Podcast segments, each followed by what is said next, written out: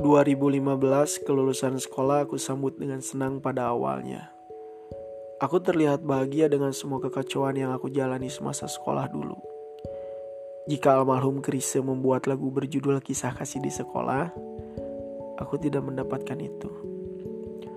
Bahkan ketika harus membacakan nominasi acara perpisahan sekolah, aku malah mendapatkan luka hati dari wanita yang pernah membuatku jatuh hati dan tertangkap bermain api dengan temanku sendiri. Mereka menjadi pasangan terbaik dengan teganya di hadapanku. Aku menjadi saksi karena nominasi itu aku yang membacakan. Bunga beserta plakat aku berikan dengan senyum yang tegar padanya. Seolah aku pun merasakan kebahagiaan yang mereka rasakan. Walau pada nyatanya, aku kembali sakit karena muncul pertanyaan dalam hati. Mengapa dulu kau membuatku jatuh hati seolah akan mengajakku ke atas panggung memenangkan nominasi ini bersama?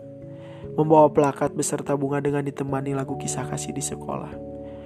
Namun memang kau berhasil membuatku naik ke atas panggung, membuatku kembali sakit, dan mengucapkan terima kasih.